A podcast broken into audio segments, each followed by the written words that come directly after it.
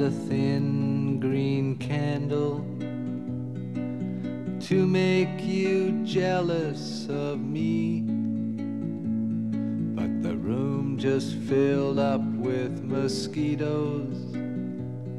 They heard that my body was free.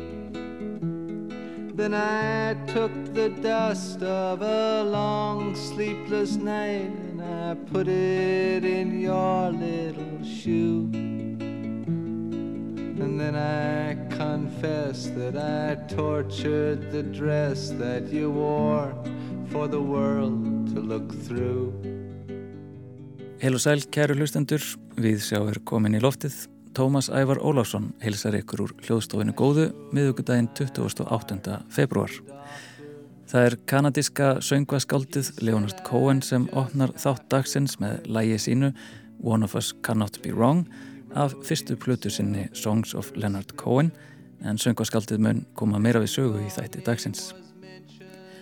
En í þættinum ætlum við að huga að leikúsi og skáldskap Fyrst heyru við af upplifun Trausta Ólafssonar af leiksýningunni Hark sem frumsynd var í síðustu viku í Tjarnabíu.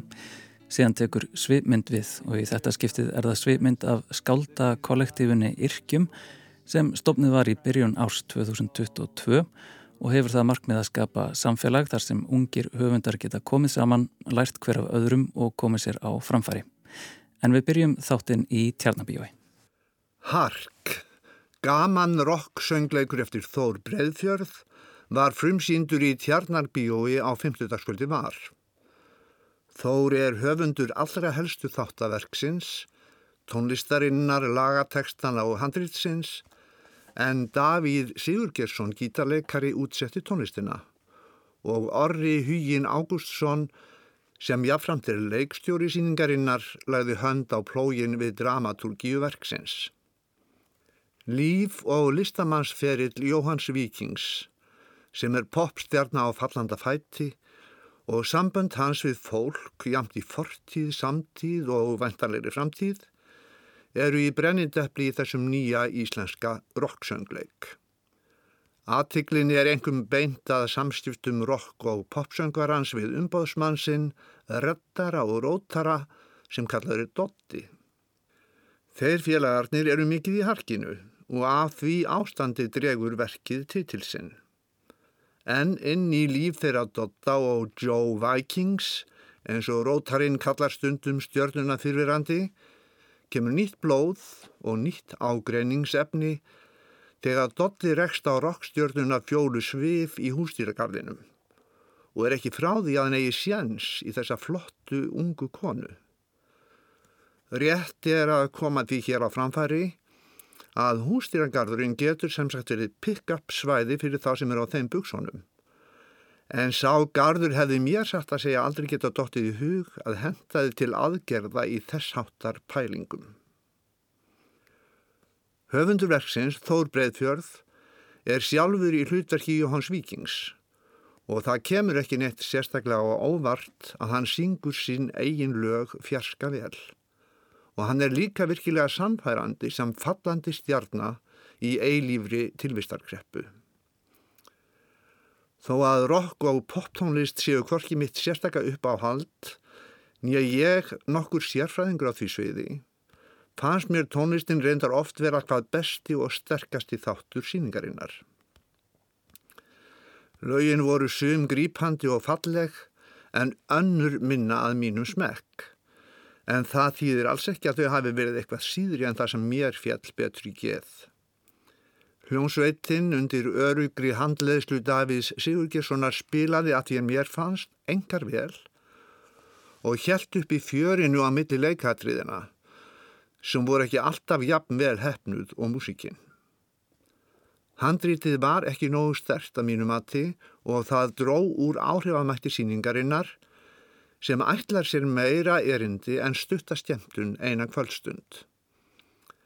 Það örlar nefnilega á djúpum sásauka og nær ángistar fullri haminguleit undir grallarakendu yfirborði verksins og mér fannst síningin öðlast mestadíft og merkingu þegar þessir þættir fengu að njóta sín í samskiptum personana.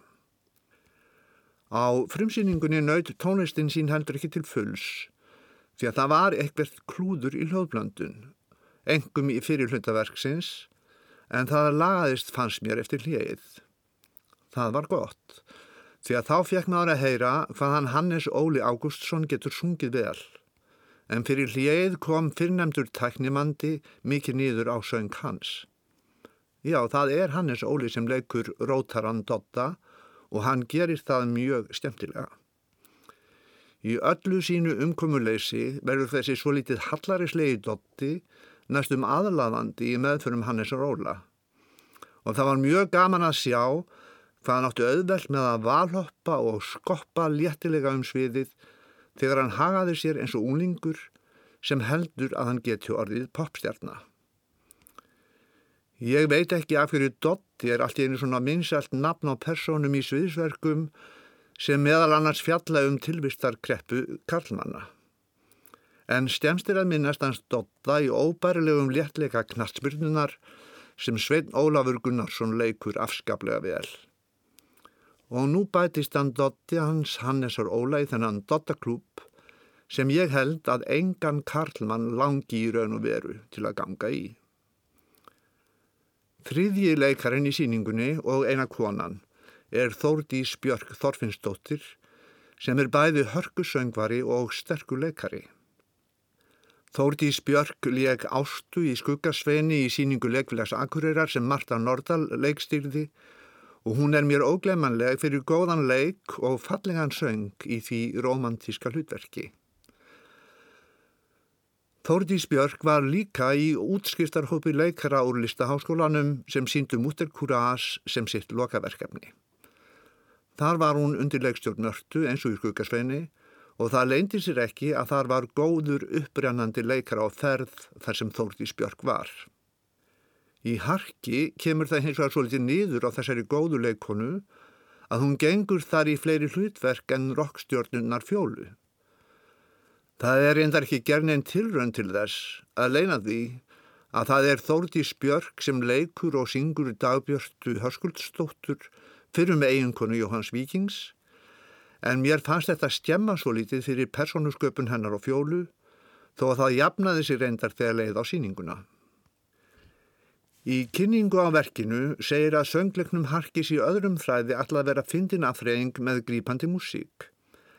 En þar er líka bent á að undir því yfirborði séu dýpri stílaboð og hugleðingar um úrælt sjónanmið, tilgang lífsins og nöðusinn þess að kynnslóðirnar opni á sér hjartað til þess að uppfæra sinn eigin hugbúnað.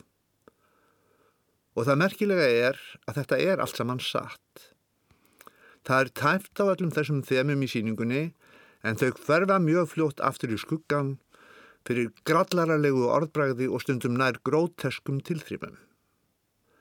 En samt kemst það stýrt til stíla í þessu verki að lífið er oft bísna mikið hark og það hyggi að fleiri en fallnar popstjörnur þekki á eiginstinni. Hark er áhugaverð og stundum svo litið stjæmtileg síning og tjarnar bíóleikús sem er svo dýrmætt að það verður ekki með til fjár. Tjarnarbíu á sér líka mjög merkilega sögu sem leikús. Þarna setti gríma upp margar af sínum síningum. Mér þetta í hug Fando og Lís eftir Arabal Amalí eftir Rott Björnsson og leikrit Guðmundar Stenssonar. Og þarna var líka síndur popleikurinn Óli í kringum 1970, síning sem eins og hark var eins konar söngleikur og hristi verulega upp í íslenskum leikúsheimi á þeim tíma. En Tjarnarbíó er ekki leikús með stóru sviði og sál fyrir marga áhórundur. Og ég get ekki látið hjá líða að nefna að mér dætt í hug hvort hark, þessi rock söngleikur þar sem gamanið er grátt, hefði ekki notið sinn betur á starra sviði en Tjarnarbíó ræður yfir. Sviðsbúnaðurinn er ekki flókinn og reyndar þannig að hann ætti ekki að þurfa að flytja með sér. Mitt ráð er þess vegna. Drífið ykkur norður á akureyri krakkar og sínið í hofi. Ég er vissum að þið myndu marg fylla stóra salin þar af áhörvendum. En ef þið gerir þetta, Rálegið ykkur að sleppa því að vera að útmála að það getur við klóak og skítalikt í félagsheimilum út á landi.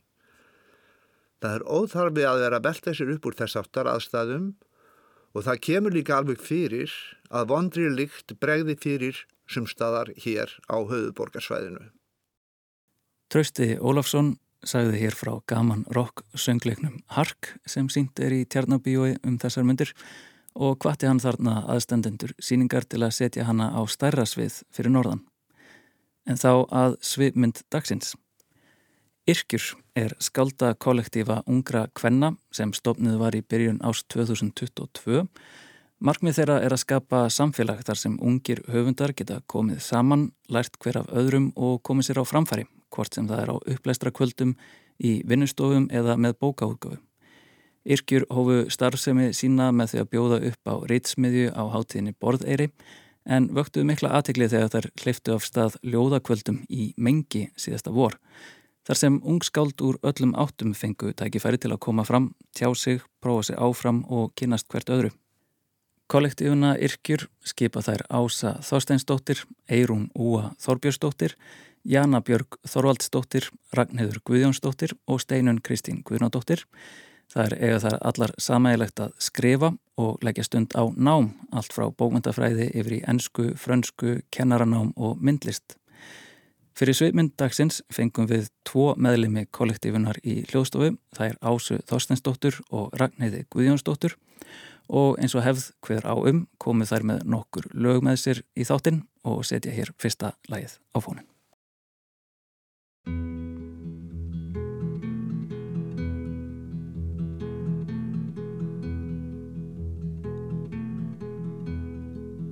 Suzanne takes you down to her place near the river.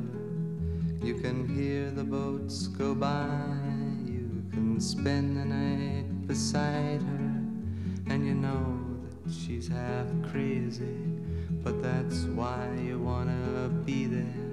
And she feeds you tea and oranges that come all the way from China, and just when you mean to tell her that you have no love to give her, then she gets you on her wavelength and she lets the river answer that you've always been her lover. And you want to travel with her, and you want to travel blind, and you know that she will trust you for you've touched her perfect body with your mind.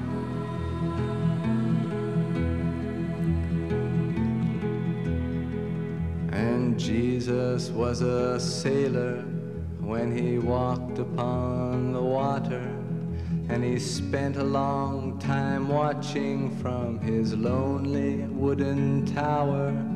And when he knew for certain only drowning men could see him, he said, All men will be sailors then until the sea shall free them. But he himself was broken long before the sky would open, forsaken, almost human. He sank beneath your wisdom like a stone.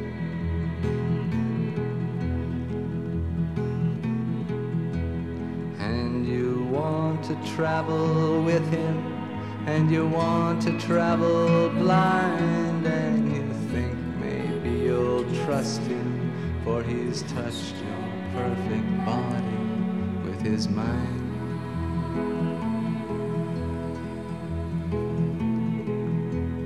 Now Suzanne takes your hand and she leads you to the river. She is wearing rags and feathers from Salvation Army counters, and the sun pours down like honey on Our Lady of the Harbor. And she shows you where to look among the garbage and the flowers. There are heroes in the seaweed, there are children in the morning, they are leaning for love. They will lean that way forever while Suzanne holds the mirror. And you want to travel with her, and you want to travel blind, and you know you can trust her, for she's touched your perfect body with her mind.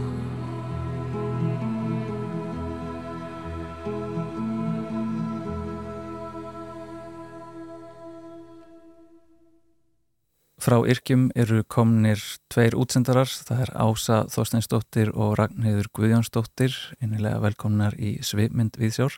Takk fyrir. Og við erum að hlusta hér á, á algjöra klassik, þetta er Leonard Cohen og Læð Susann sem hefur hljóma hér á stöðinu örugla nokkrum sinnum. Um, hvaðan kemur þetta lag? Við vorum svolítið að velta fyrir okkur hvaða lög væri svona yrkjuleg væri fyrir allan hópin um, ég stakka upp á þessu lagi. Þetta er eitt af mínum persónulegu uppáhaldslegum þetta er bara voða gullfallegt notalegt. Um, minni mig alltaf á, á, á fólkdra mína og, og svona notalega stundir sem er yrkjur líka mjög notalegar. Það var svona pælingin. Einmitt. og um, þetta er kollektív, þetta, þetta er hópur og fólki, yrkjur hvernig svona hvernig atvikast þessi stofnun? Já, það er mjög skemmtilegt að segja frá því. Uh, hérna, ég og Jana Björg við vorum svona að ræða okkur á milli að okkur langaði að gera eitthvað svona skemmtilegt saman í tengslu við skrif og við áttum að vera að læra en vorum bara mjög spenntar fyrir því að keira þetta svolítið í gang og við höfum þá bara samband við fólk sem við þekkjum svona úr alls konar eins og við kynntumst til dæmis ásu á Svikasmiðju sem var mjög skemmtilegt og svo hérna þekkti Jana aðeins betur til uh, voru tvær stelpur á MH sem eru Eirún og Steinun Kristín og hún heyrði í þeim líka mm. og þetta hefur gengið bara svona ljómandi vel mm. að vera saman í þessu og, og, og hvers vegna stofnaði hvað hérna, hvað hefur kollektiv einhvern veginn fram að bjóða? Sko allavega var hugsunin svo að þú veist við gætum stutt hver aðra í skrifum að þetta var svona bara þannig að Þú veist, okkur langaði þetta aldrei að vera döglegar að skrifa en vantaði kannski svona kvartningu til þess. Og þá er það líka bara svona, maður heldur svolítið utanum hvora aðra í þessum skáldskap og getum, þú veist, verið að lesa yfir fyrir hvora aðra og alls konar svoleiðis. Og svo líka sendum við svona kveikjur, þú veist, kannski eftir hvern fund, þú veist, og þá erum við að nota bara stikkor til þess að skrifa, þannig maður hefur alls konar verkefni og svona, og þá er maður að skrifa maður situr kannski ekki með texta í maðunum endalust þannig að fær svona útrás fyrir því. Er auðveldara að koma með textan sem er í maðunum svona koma fram úr skúfinu ef að þú ert í samneiti við aðra kannski, eða hvað? Já, ég held að það sé algjörlega okkar reynsla og við meitt kynntumst í svona ljóðasmiðji fyrir ungt fólk og fundum hvað það var gott að bara hitta önnur skáld og, og skrifa það að það væri ekki frábært. Og okkur langaði bara til að gera það oftar og Já, meira. algjörlega. og úr varð þessi kollektífa. Já, algjörlega. Og, uh, og þegar þeir eru orðin síðan kollektív um, og eru farin að hittast svona reglulega fundum uh, fannst ykkur þið þurfu einhvern veginn að marka einhverja stefnu eða skrifa manifesto eða eitthvað slíkt? Já, allavega langaði okkur að reyna á það kannski að senda eitthvað frá okkur og okkur langaði svona að hérna, allavega, já, kannski setja okkar svip á umhverfi líka og við vorum mjög spennta fyrir að gera alls konar. Já, og svo hefur þetta líka svolítið þróast út í það að við erum svolítið að, við erum ekki að bjóða öðrum í yrkjur en við erum að halda viðbyrði og alls konar á vegum yrkja þar sem við erum að, að hvetja fleiri í okkar spórum til þess að koma Já. og skrifa og lesa upp. Einmitt. Þá kannski ekki alltaf endilega það sem við sáum fyrir okkur á fyrsta stoppundi en svo hefur þetta verið ótrúlega gaman að halda smeðir sjálfar og alls konar svo leiðis. Já, nákvæmlega og bara kynast fólki sem er í svipum spórum eitthvað neinn. Mm -hmm. Þeir eru fimm konur, um, er það bara óvart eða var það meðvitað að þetta ætti að vera kvennakollektív eða Eru öll velkominn eða hvernig gengur þetta fyrir sig hjá okkur? Sko allavega þú veist, það var ekkert eitthvað meðvita þegar við örðum til sko, en auðvitað bara ef að fólk er skrifandi að þá eru öll velkomin inn í upplöstrakvöld til dæmis og finnst mjög gaman að því maður kynist fólki í gegnum það og alls konar. Mm. Þannig, já. En við náttúrulega kannski við fimm þessi heild, við finnum svona stuðning í hver annari já. og Um, ekkert bara því við erum konur en, en það er líka það er engin tilvílinu við heitum yrkjur í kvankinni það er svona, já Hvaðan, hvaðan kom nafnið?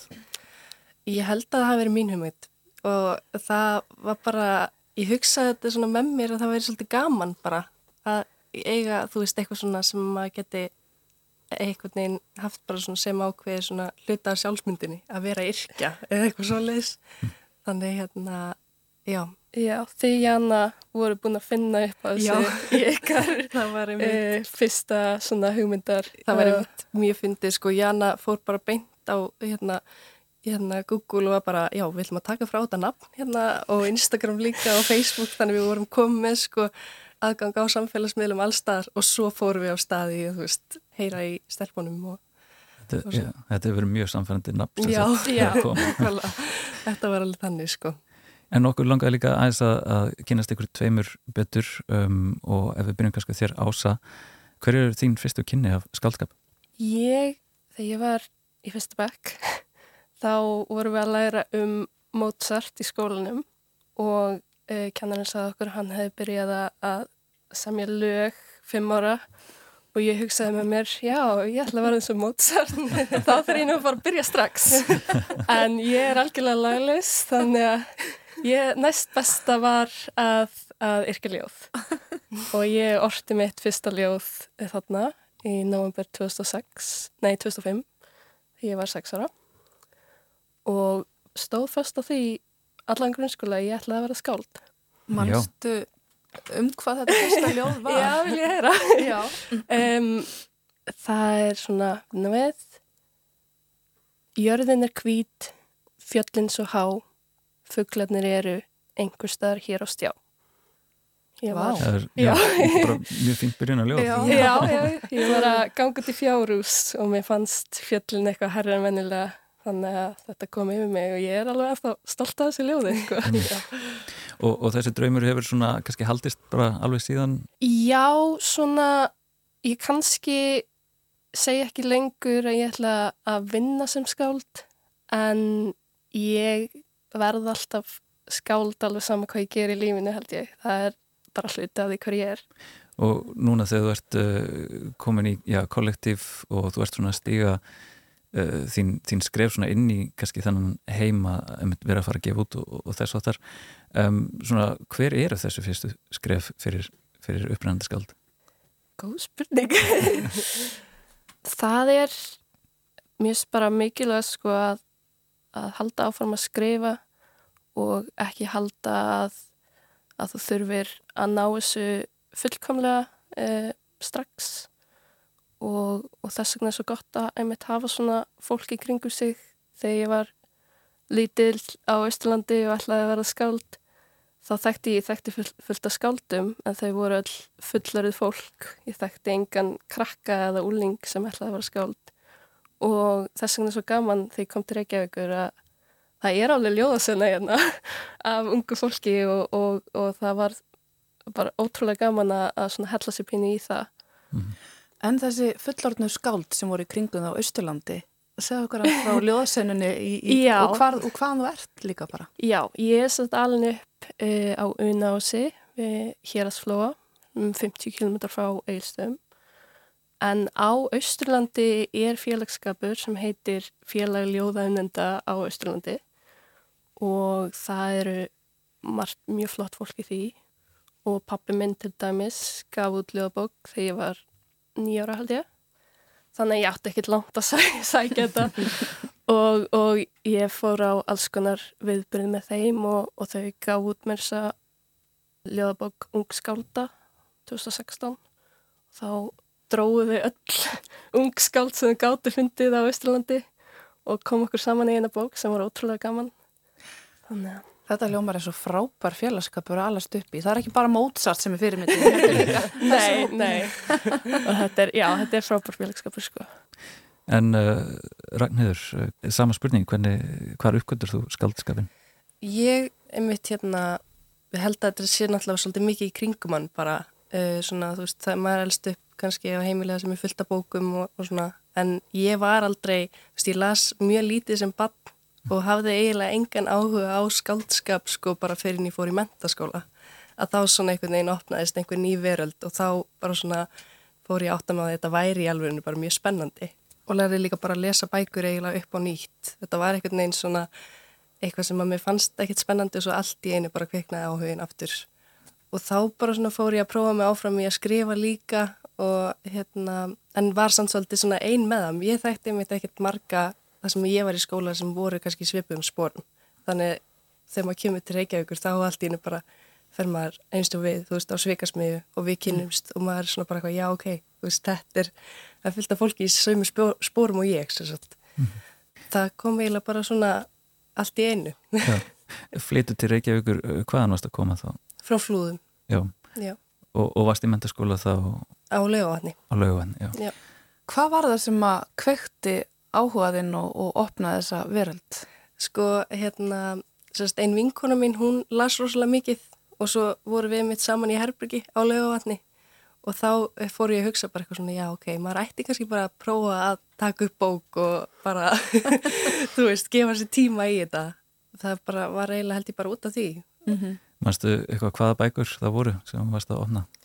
Nei, rauninni ekki, sko, svona þegar ég hugsa tilbaka, en þetta er meira bara svona, þú veist, þetta var svona einhver heimur sem að ég bara hafði ekki gefið mig tíma í að velta fyrir mér þannig séð sko en alltaf fundist sem droslega gaman þú veist af sögum og svona spjalla við fólk og þú veist heyra sögur af einhverju eða þjóðsögur eða allt svona þú veist mm -hmm. það fannst mér mjög skemmtilegt en ekki endilega svona setjast niður og lesa og prófa að yrkja sjálf eða eitthvað svo les Og hvenna fórstu að yrkja sjálf? Það var held ég bara í mentaskóla svona fyrir einhver alvöru en svo emitt hérna grófi upp einhver ljóð um daginn sem er bara síðan ég var 13 ára. Þá var ég bara að yrkja um hestamennsku og eitthvað svona, þú veist. Þannig hérna, jújú, jú, kannski hefur þetta verið í manni bara mjög lengi en maður kannski ekki endilega veit í neina aðtikli sko, mm -hmm. eitthvað svo leis Ég var að fá næsta lag og uh, heyra síðan aðeins meira um kollektífið eftir á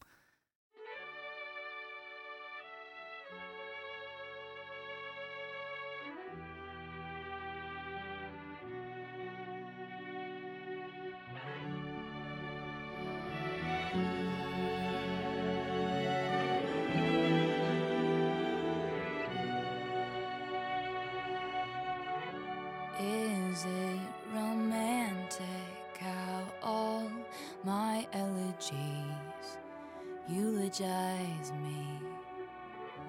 I'm not cut out for all these cynical clones, these hunters with cell phones. Take me to the lakes where all the poets went to die. I don't belong, and my beloved, neither do you.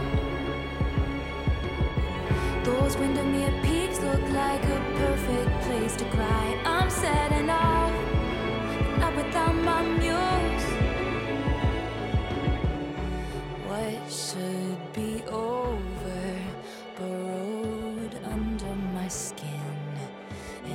heart-stopping waves of hurt. I've come too far to watch some name-dropping sleaze. Tell me what are my words worth? Take me to the lakes where all the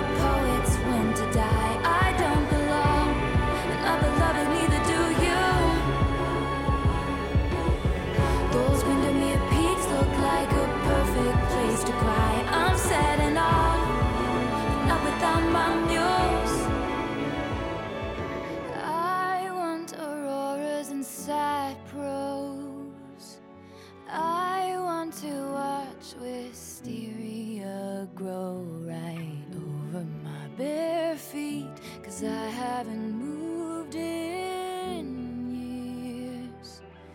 And I want you right here. A red rose grew up out of ice frozen.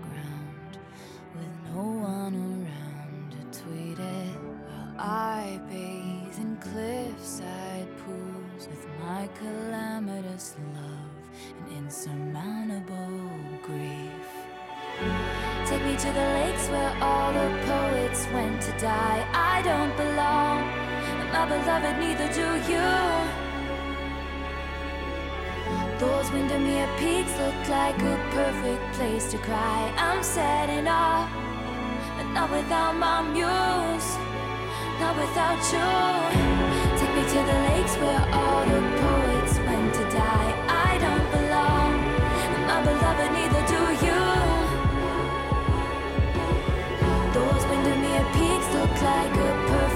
Place to cry. I'm setting off, but not without my muse. No, not without you.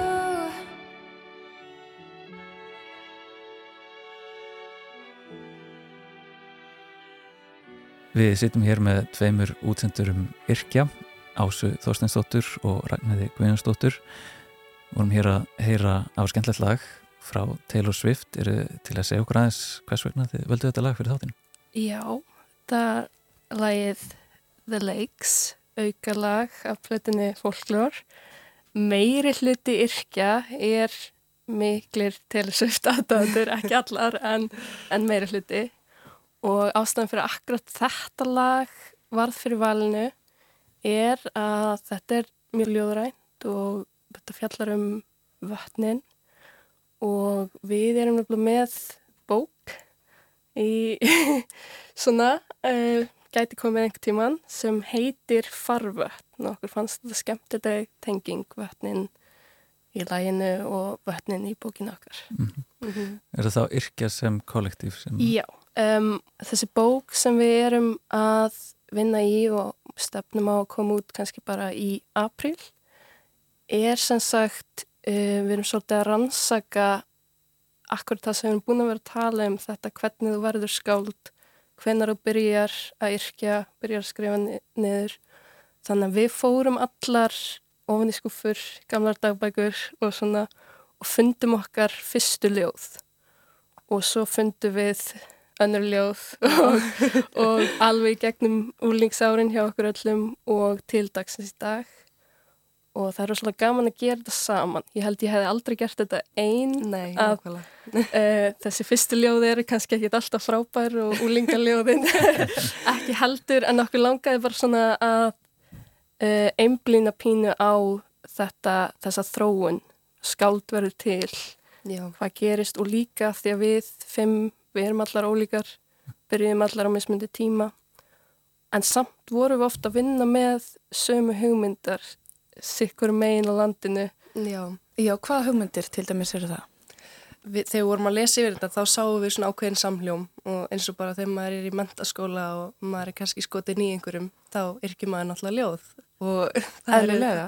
Já, en hérna svo, var svo fyndið, þú veist, þegar við vorum að lesa yfir þetta allt, við vorum bara svona guðminn góður, hvað var þetta? En þetta eru kannski textar sem að manni þótti ótrúlega væntum og maður var einhvern veginn að hella bara tilfinningunum á blaðið og svo kannski les maður þetta núna og maður svona getur ekki alveg staðið með þessu en maður verður samt einhvern veginn að þykja væntum það skáld sem maður var á þessum tíma og leifa því að standa eins og það er þó að manni finnist það kannski ekki gott akkurát núna.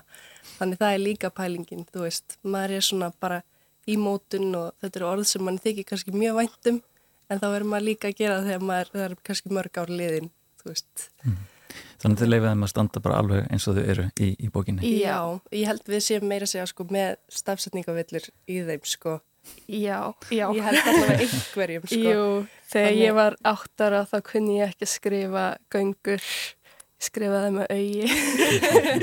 Og ég held að það hafi fengið, nei það datt út það ljóð, en það eru öruglega stafsningavillir Já. og, og bara svona eitthvað sem er alveg erfitt að standa í dag og, og segja ég skrifaði þetta en þess vegna langa okkur til að gera þetta. En það var mjög gaman að gera þetta saman að því að við vorum allar bara í ákveðinni krísu að að fara yfir þessa texta og hugsa Já. bara hvað við værum eiginlega að gera sko. En þetta var ótrúlega skemmtilegt.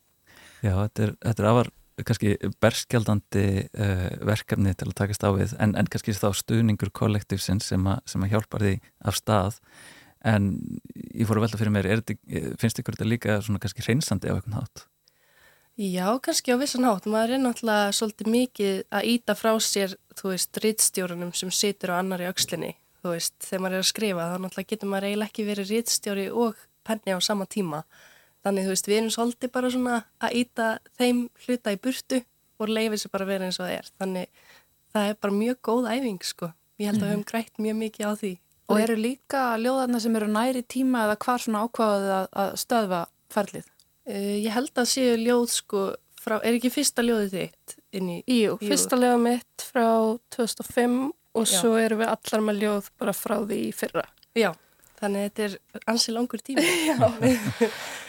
þetta er Já. frábær hugmynd og örgulega líka bara góð kvartning fyrir ung skald og Já, vonandi. Já. Já, og líka sérstaklega gaman uh, af því að nú horfum við til ykkar sem svona eins konar grassrót hér á Íslandi, ung skáld og svo er þið hérna að segja okkur frá bók þar sem að þeir eru í raunin að gefa út eftir ennþá yngri skáld. Uh, við fáum að horfa einhvern veginn miklu lengra aftur í tíman mm -hmm. með mhm. ykkar fyrstu bók. Hvaðan, já, hvaðan svona sprettur þessi hugmynd að, að fara þangað? Við hérna sátum á kaffebrennslunni og vorum að reyna að ákveða að titil á bók sem að var, sérst, við vorum komna með uppkasta handriti. Nema svo kvíldu við það í smá stund og svo komum við aftur að því og við vorum svona kannski ekki allar alveg sáttar með textan sem hafi kannski komið fyrr, þú veist, vorum bara svona ok, ég myndi ekki gera þetta svona, svona, svona. Og þá fórum við út í þessar pælingar bara, en verðum við ekki að leifa þess að standa, þú veist, við gerðum þetta bara miklu metna á þessum tíma en þú veist, og já, fórum bara út í þær pælingar og líka út á titlinum, þú veist, farvötn. Það er maður svolítið í farvatninu bara svona sem skáld. Mm. Þannig var hugmyndin til, sko, að því við ætlum að gera bara mjög stutt að ljóðbók með svona bara örfáum ljóðum, en svo bara fórið út í það að við eiginlega erum bara svona að sína hvernig við erum sem skáld bara síðan vorum litlar, Já. kannski. Annars sem ég var aðvar fórhundin varðandi svona bók var, var uppsetning ljóðana Um, eru það að fara þá eftir skaldi eða þemum sem byrstast í ljóðunum sem kollektív hafa eins og uh, kollektív á bakvið bókina Ég erði þetta í mann skó skrifuðu öll sem einn höfundur og það veit enginn hverju höfundur ljóðana mm. eru það að nota eitthvað þannig? Við fórum í tímaröð og við setjum alltaf sko nafn og aldur mm -hmm. fyrir neðan þannig að það kemur ása 6 ára, Ragnhildur 13 ára Já En svo eftir þegar við vorum komin að nær tímanum þá vorum við kom, komnar með kannski tvö ljóð frá hverju á ári og þá fórum við að horfa á þeim hvernig þetta flæðir, Já. kannski einhver, einhver ljóð, tvö ljóð um sólina, flæða saman já. og svo eitthvað svo leiðis þetta var, já.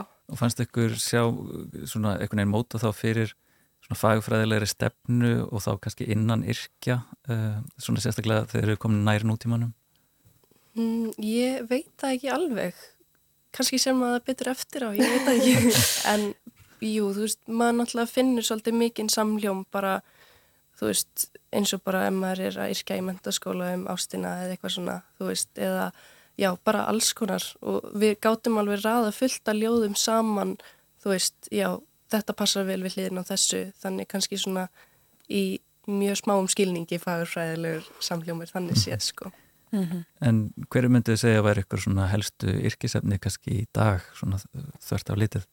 Ég er alltaf svolítið að því að ég er alveg upp í sveit en fluttið hann átjónara þá er þetta hljóma eins og ég sé frá meðri síðustu öll ég er hérna paradísar missirinn að sakna sveitarinnar en samt í kannski nútíma búningi eh, með sín nútíma ungrar konu en, en það er rosa mikið þó ég sé nú ekki, ekki mjög gömul þá er ég samt alltaf að líta svolítið tilbaka og finna það góða og það slæma í fortíðinu mm.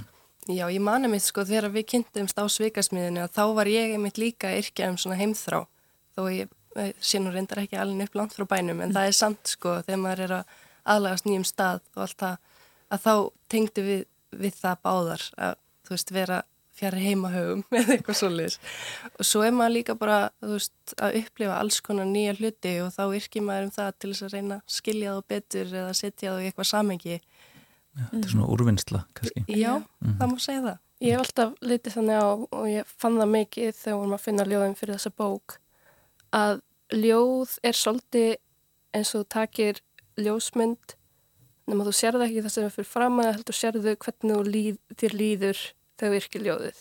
Og með öll ljóðin sem vorum að skoða þó ég hefði verið lungum að gleyma ég hefði orðið þetta ljóð þá um leiði ég lesa aftur þá mann ég nákvæmlega hvernig mér leið þó ég hefði verið dramatísk 16 ára á heimaðist nægilstöðum sko, það, er, það er alltaf alltaf svona mín, mín sína á þetta. En þau hefði starfsem ykkar um, í fyrra, ef ég manna rétt. hitti fyrra, hitti fyrra afsakið. um, og yrkir fara svona af staðmann ég allavega sem utan að komandi uh, með ljóðakvöldum og, og, og smiðjum. Uh, þetta er svona, þú voru fyrstu skrefin. Uh, hver var fyrstu viðbyrjun? Við byrjum sko á því að vera með vinnustofu á hátíðni sem var haldin á borðeiri við hefum gert það tvísvar það var eiginlega svona fyrsta sem við gerðum. Og svo hefur við verið með þessi upplöstrakvöld núna síðasta árið cirka, mm. þannig þetta hefur bara verið mjög skemmtilegt og já, já bara framar öllum vonum já, og maður finnur bara fullt af fólki sem er í sveipuðum spórum og við sko uh, Hvað er að gera á smiðjum yrkja? Við lítum á þetta sem rými þess að fólk getur komið saman og skrifað. Við segjum alltaf í byrjun, við erum engir reytlistarkennarar, við erum bara að uh, veita þetta rými, við vorum oft með kveikjur, kannski eitt orð, um, einhver hugmynd sem er hægt að vinna með. Og svo setur fólk saman og, og skrifar, lesa upp fyrir hvert annað. Og það hefur alltaf myndast svo ótrúlega góð, góður andi á þessum kvöldstundum eða dagdögum hjá okkur. Og við erum alltaf bara bara fyrir okkur sjálfar sko, stundum er þetta hálf sjálfsöld að halda smiðji að því þá fáum við að skrifa en við fáum líka að bjóða öðrum að koma að skrifa með okkur mm. Já, og þetta snýst allt um bara að hérna, uh, þú veist, stiðja annað fólk, þú veist, í því að skrifa mm. og bara svona einmitt breið út fagnaðari undir að þetta sé svona eitthvað sem að fólk á bara kíla og bara sjá hvað gerist og endilega ef það er einhver að skrifa sem væri til í að prófa að lesa upp þá má alltaf hafa samband við okkur. Við erum alltaf til í að fleira skald á yrkikvöld og smiðunar okkar. Já. því að það er það sem við viljum gera. Við viljum gefa fólki rödd. Hafið, þið hafið greinlega svona mikla trú á skaldskapnum hafið þið eh, langar ykkur að breyða út fagnaðar erindið? Já, kannski bara leggja áherslu á það að þú veist, þetta er fyrir all, þú veist, auðvitað mega allir prófa bara að stíga skrefið og þetta er ekki bara fyrir fólk sem er kannski í ákveðnu umhverfi, þú veist, eins og við þekkjum það báðar að koma kannski úr daldi svona öðruvísi umhverfi heldur en fólki sem við þekkjum vel hér, þú veist, komum báðar utan að landi úr heimahastaskólum og hérna erum svona að fóta okkur í nýju umhverfi að þú veist, bara leggja áherslu á það að það eiga allir að fá að prófa að lesa upp eðum langar og saman hvort mann sé kannski að læra starfræði í háskólinum eða eitthvað, þú veist, auðvitað að maður bara láta vaða sko. Ég er svolítið, þetta er alveg næstum yfirlýst markmið hjá mér að ég er að læra að verða íslensku kennari. Og það sem ég langar mest af öllu til að gera þegar ég er kennari er að kveikja áhuga batna álinga áljóðum og ég er alltaf að reyna að hugsa nýjar og nýjar leiðir hvað, hvað er hægt að gera, hvernig er hægt að láta koma svo framfæri að því að það er alltaf einhver sem mun hafa gaman ljóðum hvenar sá að svo uh, fattar það í lífinu getur verið í grunnskóla, getur verið bara um 50 en já, það er algjörlega eitthvað sem við viljum gera. En akkur skiptur að máli að, að kveikja á ljóðum? Þau eru bara svo þau eru svo falleg og þetta er svo góð leið til þess að vinna úr tilfinningu sinum, tjá sig og bæði líka að sko það er eitt að, að lesa ljóð, það er annað yrkiljóð, þó sé oft mjög samtvinnað, þá finnst mér ef þú ferði gegnum allt skólakerfið og þú heldur að ljóð sér leðileg sem gerist með rosalega marga, e, þá, þá ert að missa af svo miklum bókmyndum. Og þetta er líka svo aðgengilegt sko, þarf ekki að lesa 300 blasinu bók, þú getur að lesa eitt ljóð og fundið eitthvað nýtt, fundið eitthvað fallegt. Það er farið að stýttast í annan endan hjá okkur en uh, að lókum langa okkur svona að spyrja ykkur um framtíð yrkja, hvernig sjáu þið einhvern veginn þróununa fyrir ykkur? Uh, já, við erum með rosalega margar hugmyndir og hérna hefur bara gengið ansið vel að koma mörguður í framkvæmt en ég hugsa að við höldum bara áfram að vera með upplæstrakvöldin okkar sem eru haldinu í Reykjavík og við eigum okkur svona draumum að fara kannski líka út á land af því að við þekkjum það að koma úr umhverfið þar sem að ekki margir eru kannski að yrkja eða yeah, sérstaklega ekki unga fólki einmitt, þannig hérna, það væri mjög gaman að geta farið út á landsbyðina og, og hérna, bara fundi fólk sem að, veist, er í nákvæmlega sömu spórum og við vorum. Já, og svo stefnum við á að gefa út bók þannig vonandi bara gerum við það oftar. Það hljómar allt alveg stórkostlega gangi ykkur báðum vel að dreifa út þetta fagnæðarerendi og, og kveikja í ungu fólki ása í náminu. Og um, já, ása Þorsteinsdóttir og Ragnarður Guðansdóttir, takk innilega fyrir að vera þetta með okkur. En við ætlum að leifa ykkur að setja síðasta lægi á fónin, hver ætlar að fá að kynna þægin? Uh, já, ég ætla að gera það. Uh, hérna, þegar við fengum að vita að við ættum að velja lög, þá var það þetta fyrsta sem við dætt í hug. Og þetta er sérst Walking on a Dream, Empire of the Sun. Og þetta er bara svona góður fílingur í þessu lægi og það er held ég bara nákvæmlega það sem maður þarf, þú veist, það er voru í loftinu svolítið þó þessi snjórúti en það er samt bara, já, um að gera, skella sér út í göngutúru og hlusta á Walking on a Dream, Empire of the Sun.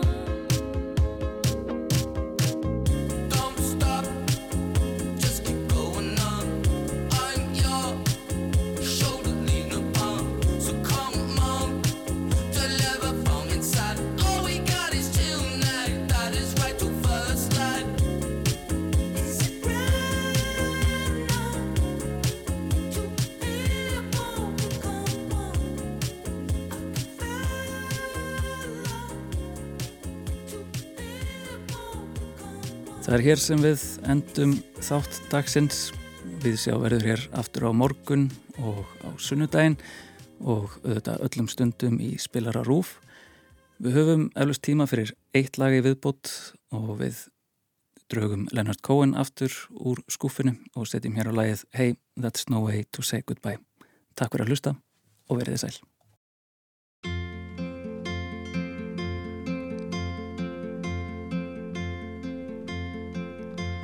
Loved you in the morning, our kisses deep and warm, your hair upon the pillow like a sleepy golden storm. Yes, many love before us. I know that we are not new in city and in forest. They smiled like me and you, but now it's come to distances and both of us must try. Your eyes are soft with sorrow. Hey, that's no way to say goodbye.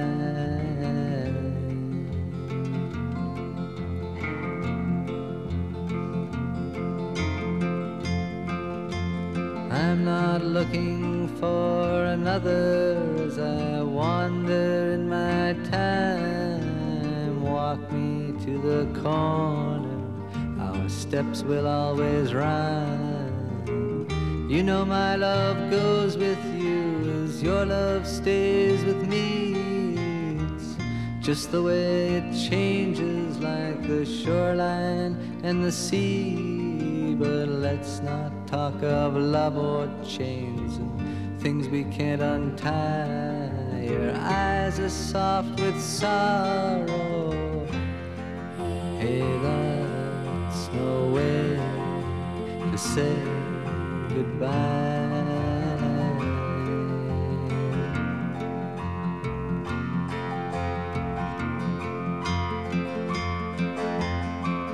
I loved you in the morning, our kisses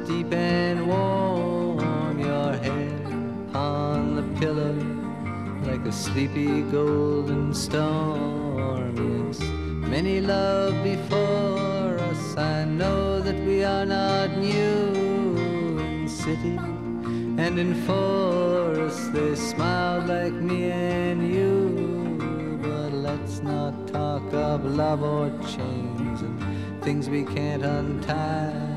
Your eyes are soft with sorrow.